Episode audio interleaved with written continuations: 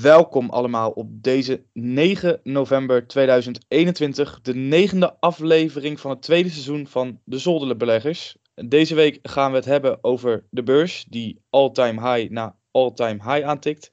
Een leuk polletje van Elon Musk en we gaan het ook hebben over de klimaattop in Glasgow. Wat daarover te vermelden valt, dat weet ik niet zo heel goed. Uh, het is nog best rustig jongens, in uh, Glasgow. Er moeten nog grote dingen komen, als die er komen. Ja, en daar gaan we het dadelijk over hebben. Veel luisterplezier. Ja, de klimaattop is bezig. Uh, de besmettingen stijgen, onze portfolio's stijgen. Behalve die van vandaag dan helaas. Uh, gisteren was een mooie dag om op te nemen. En we raken all-time high naar all-time high. Vooral de S&P 500 schiet boven de 4700 voor het eerst ooit. Gaan we op de 5000 eindigen? Gaat de AX naar de 900? Allemaal vragen. Maar de eerste vraag is misschien wel: hebben we nog wat gedaan in de portfolio's, Jan? Ik niet, zeker niet. Nee. Um, ik vind het wel goed om te zien dat inderdaad uh, de beurs over het algemeen heel goed doet. Je zou bijna denken als je de kranten openslaat met de stijgende cijfers. Niet alleen in Nederland, maar in heel Europa. Volgens mij is het in de VS dalende. Maar ja, die volgen vaak Europa een paar weken later weer. Um, nou, ondertussen zijn ze in Glasgow natuurlijk aan het praten over hoe we kunnen voorkomen dat we met z'n allen verzuipen. Maar de beurs die lijkt daar complete scheid aan te hebben en die stijgt gewoon lekker door naar boven. Je hebt ook wel een goede week achter de rug, Jelle. Vandaag dan inderdaad wat roder. Is er wat bij jou verschoven? Niks verschoven. Um, wel houden we misschien wat nieuws over posities. Ja, AMC natuurlijk heel goed gedaan, behalve vandaag. Daar zit voornamelijk de schommeling in. Uh, Mercado Libre heeft het heel goed gedaan. Ja, de Cloudflare, CrowdStrike, die doet nog steeds goed. Ik heb één share C Limited bijgekocht. Toevallig vandaag. Ik dacht, ik sta in de min, dan koop ik wat bij. En voor de rest... Ja, er was ook nieuws bij Peloton. Die gingen bijna met uh, eh, 40% onderuit naar een earnings. Gelukkig had ik daar maar twee aandelen van. Dus de schade was erg beperkt. Maar uh, dat wordt zeker een positie die ik wel ga uitbreiden, denk ik. Julian? Een fiets met een iPad erop, hè? Ja, precies daarom, ja. ja, groot, uh, groot update heb ik. Um, ja, sorry, ik heb echt kriebelhoest. Het is lekker voor in de podcast. Nee, uh, ik stond gisteren met mijn uh, vingers op de verkoopknop van uh, NIO. Weet je zo? Oh, Want die hebben earnings, toch? Nou, ik stond 2 euro in de plus totaal. Hmm. Dus ik heb laatst gezegd, als NIO weer in de plus staat, dan verkoop ik hem gewoon. Ik ben er helemaal klaar mee dat ik 25% NIO heb. Maar ja, goed, vandaag staat hij weer uh, 11% in de min, geloof ik. Dus uh, ja, dus ik moet weer opnieuw gaan bouwen aan NIO voordat ik hem weer kan verkopen. NIO, die hebben na de bel earnings. Wanneer? Na de bel vandaag. Echt? Dus ik weet niet of je daar nog wat mee wilt doen, maar ze staan nu al inderdaad min 5%, zie ik. Ja. Ik dus, weet niet uh, of die earnings goed gaan zijn, maar...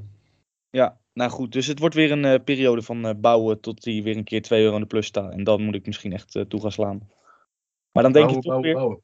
Je denkt toch weer, als hij in de plus staat, denk je, oh, de, de lijn omhoog is weer ingezet. En dan wacht, ga je toch weer wachten. En dan ja, krijg je weer zo'n dag als vandaag.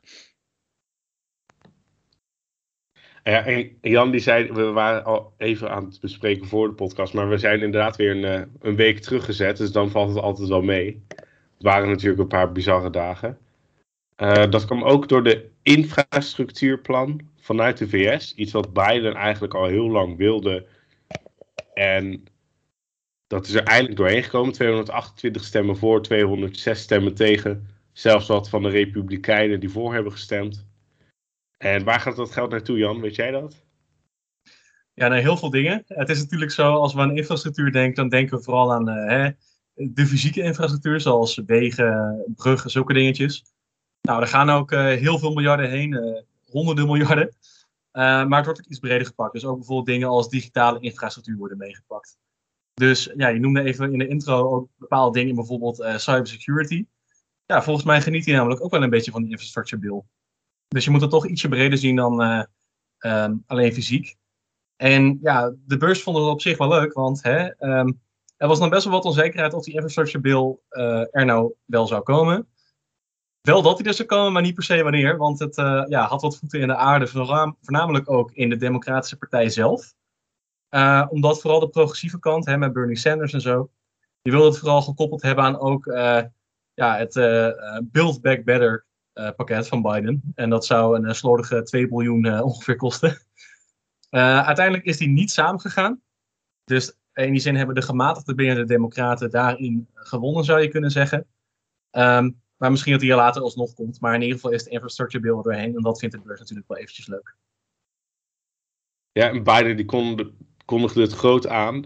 Generaties kijken later terug op dit moment en zullen dan zeggen... dat was het moment dat Amerika de economische competitie won van de 21ste eeuw. Dat is een statement. Uh, ja. ja, ik wou net zeggen. Eh, natuurlijk verandert dit misschien wel wat dingen. Hè? Bijvoorbeeld ook het... Uh, uh, aanleggen van een, goede digitale infrastructuur in ja, toch wat meer het platteland van de Verenigde Staten. Dat vergeten we altijd eventjes. Gewoon natuurlijk in Nederland is alles goed geregeld, waar ongeveer overal waar ook maar iets meer dan tien huizen staan, ligt gewoon glasvezel in de grond.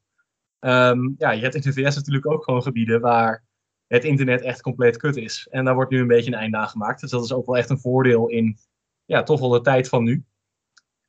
Um, Julian.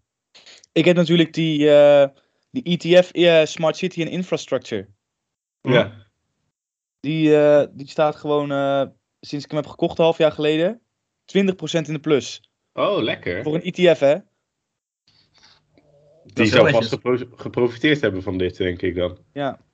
Hoe heeft hij het de afgelopen, ja, zeg, maand gedaan? Dat zal ik eens even opzoeken als jullie in de tussentijd doorpraten. Wij doen de rest lekker vol. Ja, en dan uh, is het misschien ook wel interessant om ook een bruggetje te maken naar de klimaatop. Want die infrastructure beelden zaten bijvoorbeeld ook een paar dingen in voor de verduurzaming. Toch uh, zit de meeste verduurzaming nog in het pakket van het Build Back Better pakket van Biden. En die is nog niet uh, door de Senaat en dergelijke heen. Um, ja, bij de klimaatop, hè, er worden heel veel dingen besproken. We hebben een link in onze appgroep gestuurd dat de coalitie van rijke landen 130 biljoen Ehm, aan zeg maar, financiën in eh, de toekomst eh, eh, zou zetten. Aan, aan toekomstdoelen. Ja, ik vind het toch wel heel interessant ook, want ESG is al een jaar of drie, vier grote opkomst. Maar volgens mij heeft het een beetje moeite om hun geld op plekken te zetten waar het ook daadwerkelijk groen en productief is. Dus ja, heel leuk dat de, de financiële wereld grote weddenschappen zet en bijvoorbeeld ook besluit om niet meer te investeren in nieuwe olie- en gasvelden in het buitenland. Maar ja, waar dat geld dan wel heen moet, ja, dat is nog een beetje de vraag. Hoe volg jij het een beetje, Jelle? Oh, Julian heeft misschien een update. Ja, hij is in één maand tijd is hij van uh, 7,05 naar 7,58 per aandeel gegaan. Dus, Voor de snelle ja, Hoeveel is dat? Is van 8, 8% of zo? Best veel, toch? Dat, dat is normaal gesproken wat je in een jaar zou mogen verwachten. De beursverslagen, inderdaad. ja. Gewoon even een jaar rendement in de maand scoren. Ja, dat is lekker. Ja, en wat er dan uh, ter uitkomt, dat wilde ik even, even zeggen. Het is heel grappig, want er worden dan grote afspraken gemaakt. Maar net de landen die je dan nodig hebben, die ondertekenen het niet. Ik las dat bijvoorbeeld vleesproductie omlaag moest. Maar ja, er waren heel veel landen in Zuid-Amerika het niet mee eens. Vooral Brazilië, Argentinië bijvoorbeeld. Boskappen, dat moest helemaal gestopt worden voor 2030. Ja, Brazilië gaan die dat echt doen. Wordt dat nageleefd. Uh, stoppen met het gebruik van kolen. Helaas, Australië, China, India en de VS hebben de verklaring niet ondertekend. Uh, zo was er ook nog iets met gas. En daar was Nederland afwezig. Die zei dat gaan wij niet doen. Dus er zijn telkens landen die, die houden zich wel zelf boven water bij dat soort dingen. Ja, en ik vond het nog wel interessant dat bij de klimaatop. Volgens mij was het of de Washington Post of de Washington Times. Sorry, ik haal ze redelijk vaak door elkaar. Uh, die kwam volgens mij met een rapport uit dat ook uh, er nog wel eens wat problemen kunnen zijn aan de datakant van alle rapporten die worden ingediend bij uh, klimaatop en klimaatakkoorden. Dus dat bepaalde landen ja, bijvoorbeeld per ongeluk dingen verkeerd meten of verkeerde aannames doen. Uh, ja, waardoor die berekeningen toch ineens heel kon uitkomen. Zo waren er toch ook een paar Zuidoost-Aziëse um, landen um, ja, die toch bijvoorbeeld meenamen dat hun bomen zogenaamd vier keer zoveel CO2 op zouden nemen als in eh, bijvoorbeeld Europa. Ehm, nou ja, misschien dat jungle ook wel iets productiever is, maar uh, er sloegen in ieder geval heel wat dingen heel krom, waardoor bepaalde uitstoot niet meegenomen werd. Zo was er ook een land die um, beredeneerde dat hun nieuwe manier van airconditioning niet een bepaald gevaarlijk gas uitstoot. Uh, dat bleek ook niet waar te zijn, waardoor eigenlijk ook hun uh, ecologische voetafdruk een stuk groter was dan ze eigenlijk uh, ja, lieten zien in hun rapporten. Dus, um, nou ja, weet je, het zijn misschien stappen in de duurzame richting, maar er zijn nog zeker grote inhaalslagen die gemaakt moeten worden. En ja, de klimaatop is nog niet voorbij, hè? Die is nog bezig. Ja, ik weet eigenlijk niet tot wanneer die duurt. Maar ik denk altijd bij dit soort dingen, ja, af en toe komt er wel wat uit, maar vaak is het toch dat mensen zich er niet aan houden. Mensen, is het dan regeringen voornamelijk. En dat iedereen gewoon voor zichzelf kiest. Dus uh, de ene vindt kolen geweldig en de andere vindt gas geweldig. En de andere is voor kernenergie en de ander tegen. Dus. En het is natuurlijk zo dat een land als Nederland kan heel veel doen, maar uiteindelijk is het ook maar een duizendste van wat China bijvoorbeeld uitstoot. Julian. Um, ik zag vandaag wel een bericht van de NOS voorbij komen dat uh, Groot-Brittannië 250 miljoen euro in kernenergie gaat. Uh, ja. Dat was voor mij wel een doorbraak. 250 miljoen. Ja. Maar stel, bijvoorbeeld Groot-Brittannië is, uh, dik veel, die hebben vier, vijf keer zoveel inwoners als Nederland. Ja. En kernenergie in Nederland verwezenlijken zou echt tientallen miljarden kosten, toch? Ja, dus het, het, is een klein bedrag, maar het voelde wel als een klein beetje een doorbraak dat uh, een land daarmee wel intenties aangeeft om uh, met kernenergie te gaan werken. Ja, dat is wel waar. Ik bedoel, het is wel dat je een uh, grote zak geld opzij zet. Het is ja, misschien bij far nog niet genoeg. Misschien dat ook de spelregels in Groot-Brittannië iets anders zijn. Hè? Volgens mij is kernenergie echt zoiets wat ja, voordeel heeft aan schaalvoordelen. Ja. En Nederland is natuurlijk een vrij klein land met dus misschien een vrij kleine afzetmarkt voor kernenergie. Dus dat die vaste kosten er moeilijker uitgehaald worden. Aan de andere kant zou je ook denken dat het allemaal al lang Europees geïntegreerd zou moeten zijn. Dus dat, dat, uh, ja. dat, dat, Europa de schaal uh, zou moeten zijn. Maar het, het, voelt voor mij een beetje alsof zeg maar, het eerste uh, hert, hert, of schaap over de dam is. En dat, dat er nu zeg maar, veel meer gaan volgen als het gaat over kernenergie. Ja. Laten we het hopen. Zijn er, zijn er, zijn er stocks in kernenergie? Ja, ja, ja. Die, die uraniummarkt, dat was in de zomer, ik denk rond augustus, was dat echt een piekmoment. Het is altijd zo bij dat soort dingen dat. Um, dat zeg maar, de supply die komt er altijd weer bij, zegt ze toch altijd Jan. Van het is leuk, zo'n opwelling, maar dan komt er weer meer aanbod en dan gaat het eigenlijk weer naar beneden. Even mm. kijken hoeveel het nu staat. Uranium staat eigenlijk nog steeds flink hoger hoor. Het staat. Um, even kijken. Dus ja, je, je zou bijvoorbeeld even kunnen kijken naar, hè, als je iets minder gericht in een bedrijf wil zitten, kan je gewoon kijken naar een uranium-ETF of een kernenergie-ETF. Ja. Als je gewoon zou googlen naar uranium-ETF of nuclear ETF, vind je waarschijnlijk wel een paar dingen die daar zouden stroken. Global ja, het is natuurlijk wel heel gericht, hè? Global X Uranium ETF. Ja, je hebt ook iets van North Shore of zo, uranium, dacht ik. Maar oh, die... uranium is eigenlijk sinds 2007, ik denk dat dan, toen was het in Japan, Fukushima, denk ik. Ja. Was het? Ja. Toen was het in de down. Een paar jaar later, maar wel een beetje rond die tijd inderdaad. Ja. Zo, het is wel uh, booming, man. Als je het een jaar geleden had gekocht, had je nu al 200% ja, ja. gehad. Wilde, het was dus vanaf 2007 tot 2016 in een downtrend. En toen was het rond de 17. Vorig jaar nog rond de 20, 25. We zitten nu rond de 45, hebben rond de 50, 60 gestaan. Ik ga deze nu kopen. We hebben een nieuwe aankoop. En ik wil ook nog zeggen dat onze koning ook zijn best doet, want het staatsbezoek aan Noorwegen gaat ook over waterstof. Dus oh. misschien dat daar ook hele grote dingen gebeuren. Met een soort uh, Noordzee-coalitie met waterstof of zo? Wat, uh, ja. Nou, netjes. Ja, dat is misschien wel een leuke vraag uh, om hier nog even neer te leggen. doen jullie in jullie portfolio's nog iets met klimaatverandering? Nemen jullie dat mee in jullie overwegingen? deelt dat mee in de beslissingen die jullie doen? Bedoel je dat we dan nee. niet KLM zouden kopen? Bijvoorbeeld, maar ja, je, je zei net ook van hey, misschien die nucleaire ETF, dat kan natuurlijk ook een uh, ding zijn waarvan je denkt, oh, uh, klimaatakkoord, uh, energietransitie, daar wil ik wat mee doen. Nou, ik ben, ik vind uranium is niet, of kernenergie is niet heel vervuilend. Je hebt hoort alsnog allemaal linkse klimaatactivisten die tegen kernenergie zijn. Maar misschien hoe het nu is, is het best wel, best wel veilig. Heb je toevallig ehm, de serie eh, Inside Bill, Bill's Brain gekeken op Netflix? Nee, gaat het erover dat het veilig is? Ja, ja, het, is, het zijn een soort drie afleveringen van een soort van side projects van Bill Gates, terwijl het ondertussen een beetje over zijn leven gaat. Waaronder ook eentje over kernenergie. Best wel, best wel een leuke als je van uh, docu's op Netflix gaat. Nice. Ik had Uh, laatst een, een kijktip van de zonnebeleggers. Ik, had laatst een artikel geschreven over kernenergie met eh, een baas van een eh, kernenergiebedrijf. En toen had ik ook met Greenpeace gebeld en die maakte met de grond gelijk. Toen vond die baas van het kernenergiebedrijf niet heel leuk. Die belde me op, die zei wat krijgen we nou? Dus, eh, Dat het in één en hetzelfde artikel genoemd werd. Of, Ja, dat, dat, dat zei hij. Dan zei hij het is veilig. En dan kwam Greenpeace. We moeten hier over kappen. horen en wederhoren. Precies. De objectieve journalist.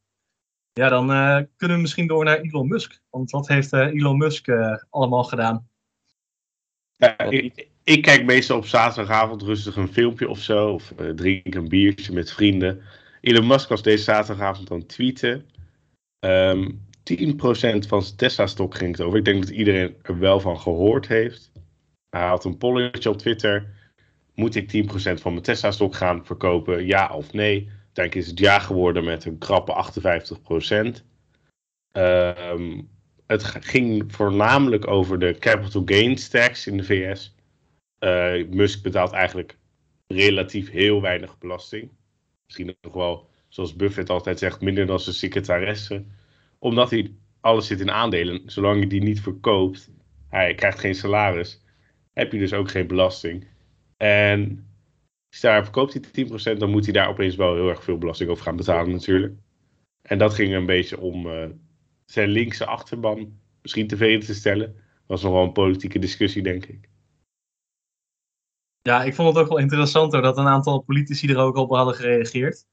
Van ja, een eh, belasting op eh, miljardairs, dat zou niet af moeten hangen van Twitter-polls. Daar moeten we iets aan gaan veranderen. En Elon Musk die had daar ook een hele interessante reactie op. Je moet je dus even voorstellen, hè? Elon Musk is by far de rijkste persoon ter wereld. Is meer dan twee keer zo rijk als Jeff Bezos en nummer twee. Ehm, ja, afhankelijk van hoe hoog Tesla-stok staat, kan die meer dan 300 miljard dollar waard zijn. En eh nou, toen had dus een eh, politicus op hem gereageerd met wat ik net zei. Hè, er moet wel een uh, miljardair straks komen. Toen zei Elon Musk, Why does your PP look like you just came? Ja, dan denk je toch een klein beetje dat het een, uh, een nep-tweet is, of dat hij gehackt is. Maar dat uh, is toch niet het geval. Hij had zijn naam ook veranderd naar Edge Lord. dat heb ik gemist. Okay. Ja, dat was een tijdje. Dat was voor mij eergisteren ook. You, jij, jij hebt denk ik wel een mening over het, ja, het belastingssysteem en tegenover biljonairs. Is dit een goede move van Musk om misschien mensen tevreden te stellen? Is het iets wat hij veel eerder had moeten doen? Is er iets gewoon wat in het systeem helemaal moet veranderen? Ik, ik, ik, ik snap niet zo goed wat hij doet als hij dus gewoon... Hij doet gewoon 10% van zijn Tesla-aandelen, geeft hij weg. Of dat, wat doet hij nee, daarmee? hij, hij verkoopt ze, zodat hij, hij heeft gewoon 20, ja, ongeveer heeft hij 20 miljard in cash dan. Stel je, je verkoopt aandelen op de Giro en zet ze op je bankrekening. Maar in de VS werkt het zo dat als je, zolang je eigenlijk aandelen aanhoudt en het is niet verkoopt, Ja. en na volgens mij langer dan een jaar, dan hoef je er gewoon geen belasting over te betalen. Stel hij gaat met 800% omhoog. Ja. Hij heeft natuurlijk die aandelen al sinds dat ze 4 euro waren of 4 dollar. Ja, Dus hij heeft er nooit belasting over betaald. En zijn hele vermogen is ook. Hij, hij krijgt dus geen salaris. Zijn hele vermogen is in aandelen.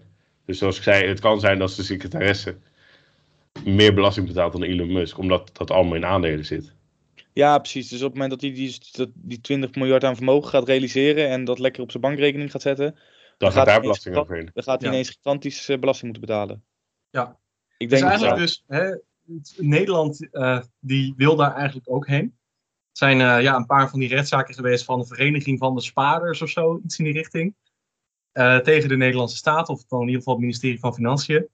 Eh, of de Belastingdienst of iets dergelijks. En aan de Hoge Raad had ze volgens mij gelijk gegeven. Omdat Nederland dus een vermogensbelasting heeft. Dus die afhankelijk van hoeveel jouw vermogen is, waar, of het nou in aandelen of eh, gewoon in harde cash zit, die rekent daar een fictief rendement over en daar betaal je dan een percentage over. Dus een vermogensbelasting van bijvoorbeeld eh nou ja, 1 tot 2 procent eigenlijk. Vaak als je meer dan een ton of whatever hebt. In de VS heb je dus een capital gains. Dus dan betaal je helemaal geen vermogensbelasting. Al heb je dus inderdaad als Elon Musk 300 miljard uh, op je bankrekening staan in je aandelen. Betaal je geen belasting over. Totdat je dus het verkoopt of er iets mee doet. Dan heb je dus die short-term capital gains tax waar jij het net over had. Die is een stukje hoger. En naarmate je het langer aanhoudt, betaal je steeds ietsje minder belasting. Tot volgens mij een minimum van 15 of 20 procent of zo. Hij heeft ook nog opties openstaan, dat komt er nog bij. Voor volgens mij augustus volgend jaar. Dat hij zoveel duizend Tesla aandelen krijgt voor iets van 6 dollar ook nog. Omdat hij die ook jaren heeft staan. Dus dan krijgt hij er nog meer bij. Maar het is natuurlijk ook wel een reden waarom de aandelenmarkt in Nederland op zich relatief klein is. Qua hoeveel mensen het doen, hoeveel mensen over praten. Maar in de VS met ook die Roth IRA, zeg maar, dat je in aandelen kan stoppen vanuit je werk. En ook met veel minder belasting is het eigenlijk heel logisch om alles gewoon of in een S&P 500 of in losse aandelen te doen. Want je hebt er inderdaad heel veel procent op vaak. Als het goed gaat en als je het lang aanhoudt. En je hebt er geen belasting over. Dus het is eigenlijk altijd een win-win. Het is wel een mhm. heel interessant systeem hoe dat eigenlijk ooit gemaakt is in de VS. En daarom is ook aandelen en de aandelenmarkt zo groot, denk ik. Ja, dat denk ik ook. Ja, op zich in Nederland heb je natuurlijk ook wel een pensioenfonds. En daar betaal je dan geloof ik ook tot op zekere hoogte geen uh, belasting over. Pas ja, als je het weer uit laat betalen als inkomen. Dan betaal je weer een inkomstenbelasting, maar dan uh, ja, als je inkomen is ook gewoon een stukje lager, want je hebt geen werkinkomen meer, je hebt een pensioeninkomen. Dan betaal je ook relatief uh, ja, gewoon in de laagste schaal en met gewoon weer de belastingvrije voeten die je dan geniet. Um, ja, ik, ik vergeet altijd nog wel eens van ja, we hebben natuurlijk wel eens over, we hebben het over retail, we hebben het over hedge funds. Um, maar volgens mij zijn gewoon echt die grote jongens, dat zijn gewoon lekker die pensioenfondsen die gewoon lekker aan het schuiven zijn met uh, ja, wat dan toevallig uh, de leden van het pensioenfonds of de raad van bestuur hen goed dunkt. Ja, het gaat natuurlijk echt over duizenden, tienduizenden miljarden. ja, daar, die slaan wel een paar deukjes in de boter. Nou, dat was het denk ik eigenlijk al qua onderwerpen. Zijn er nog dingen waar jullie naar uitkijken? Julian Nio is vanavond. Heb je daar nog een mening over? Ik ja. kijk er al weken naar uit. Ik kijk er al weken naar uit sinds ik er vandaag ben achtergekomen dat, uh, dat ze dat bekend gaan maken. Kijken of er nog interessante andere aandelen zijn. Coinbase. Nou, die hebben het vast ook goed gedaan. Ook vanavond na de bel. Nou, daar hebben mensen ook niks aan zodra ze dit luisteren. Walt Disney komt morgen. En donderdag eigenlijk niks interessant. ArcelorMittal. Natuurlijk ook interessant vanuit de AEX. En dat was het eigenlijk dan al voor het cijferseizoen, denk ik. Misschien volgende week nog een paar. Maar we hebben het meeste achter de rug. Nog een mening die iemand wil achterlaten? Vandaag is uh, 9-11. Oh ja. De, de Europese 9-11. Leuk. Ja. Dankjewel. Eerlijk antwoord. het, is druk in de, het is druk in de teststraat inderdaad, dus uh, ik ga weer vroeg slapen zo meteen. Morgen weer aan de slag. Het is echt niet normaal om nog even... Hoeveel dagen per week werk je nu?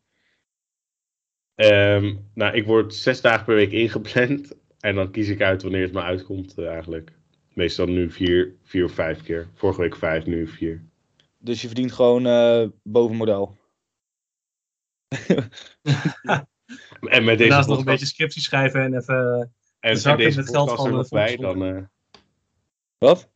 En dan deze podcast er nog bij qua reclameinkomsten. Inderdaad. Ja. Dat is een lucratieve... Bijna 10.000 plays.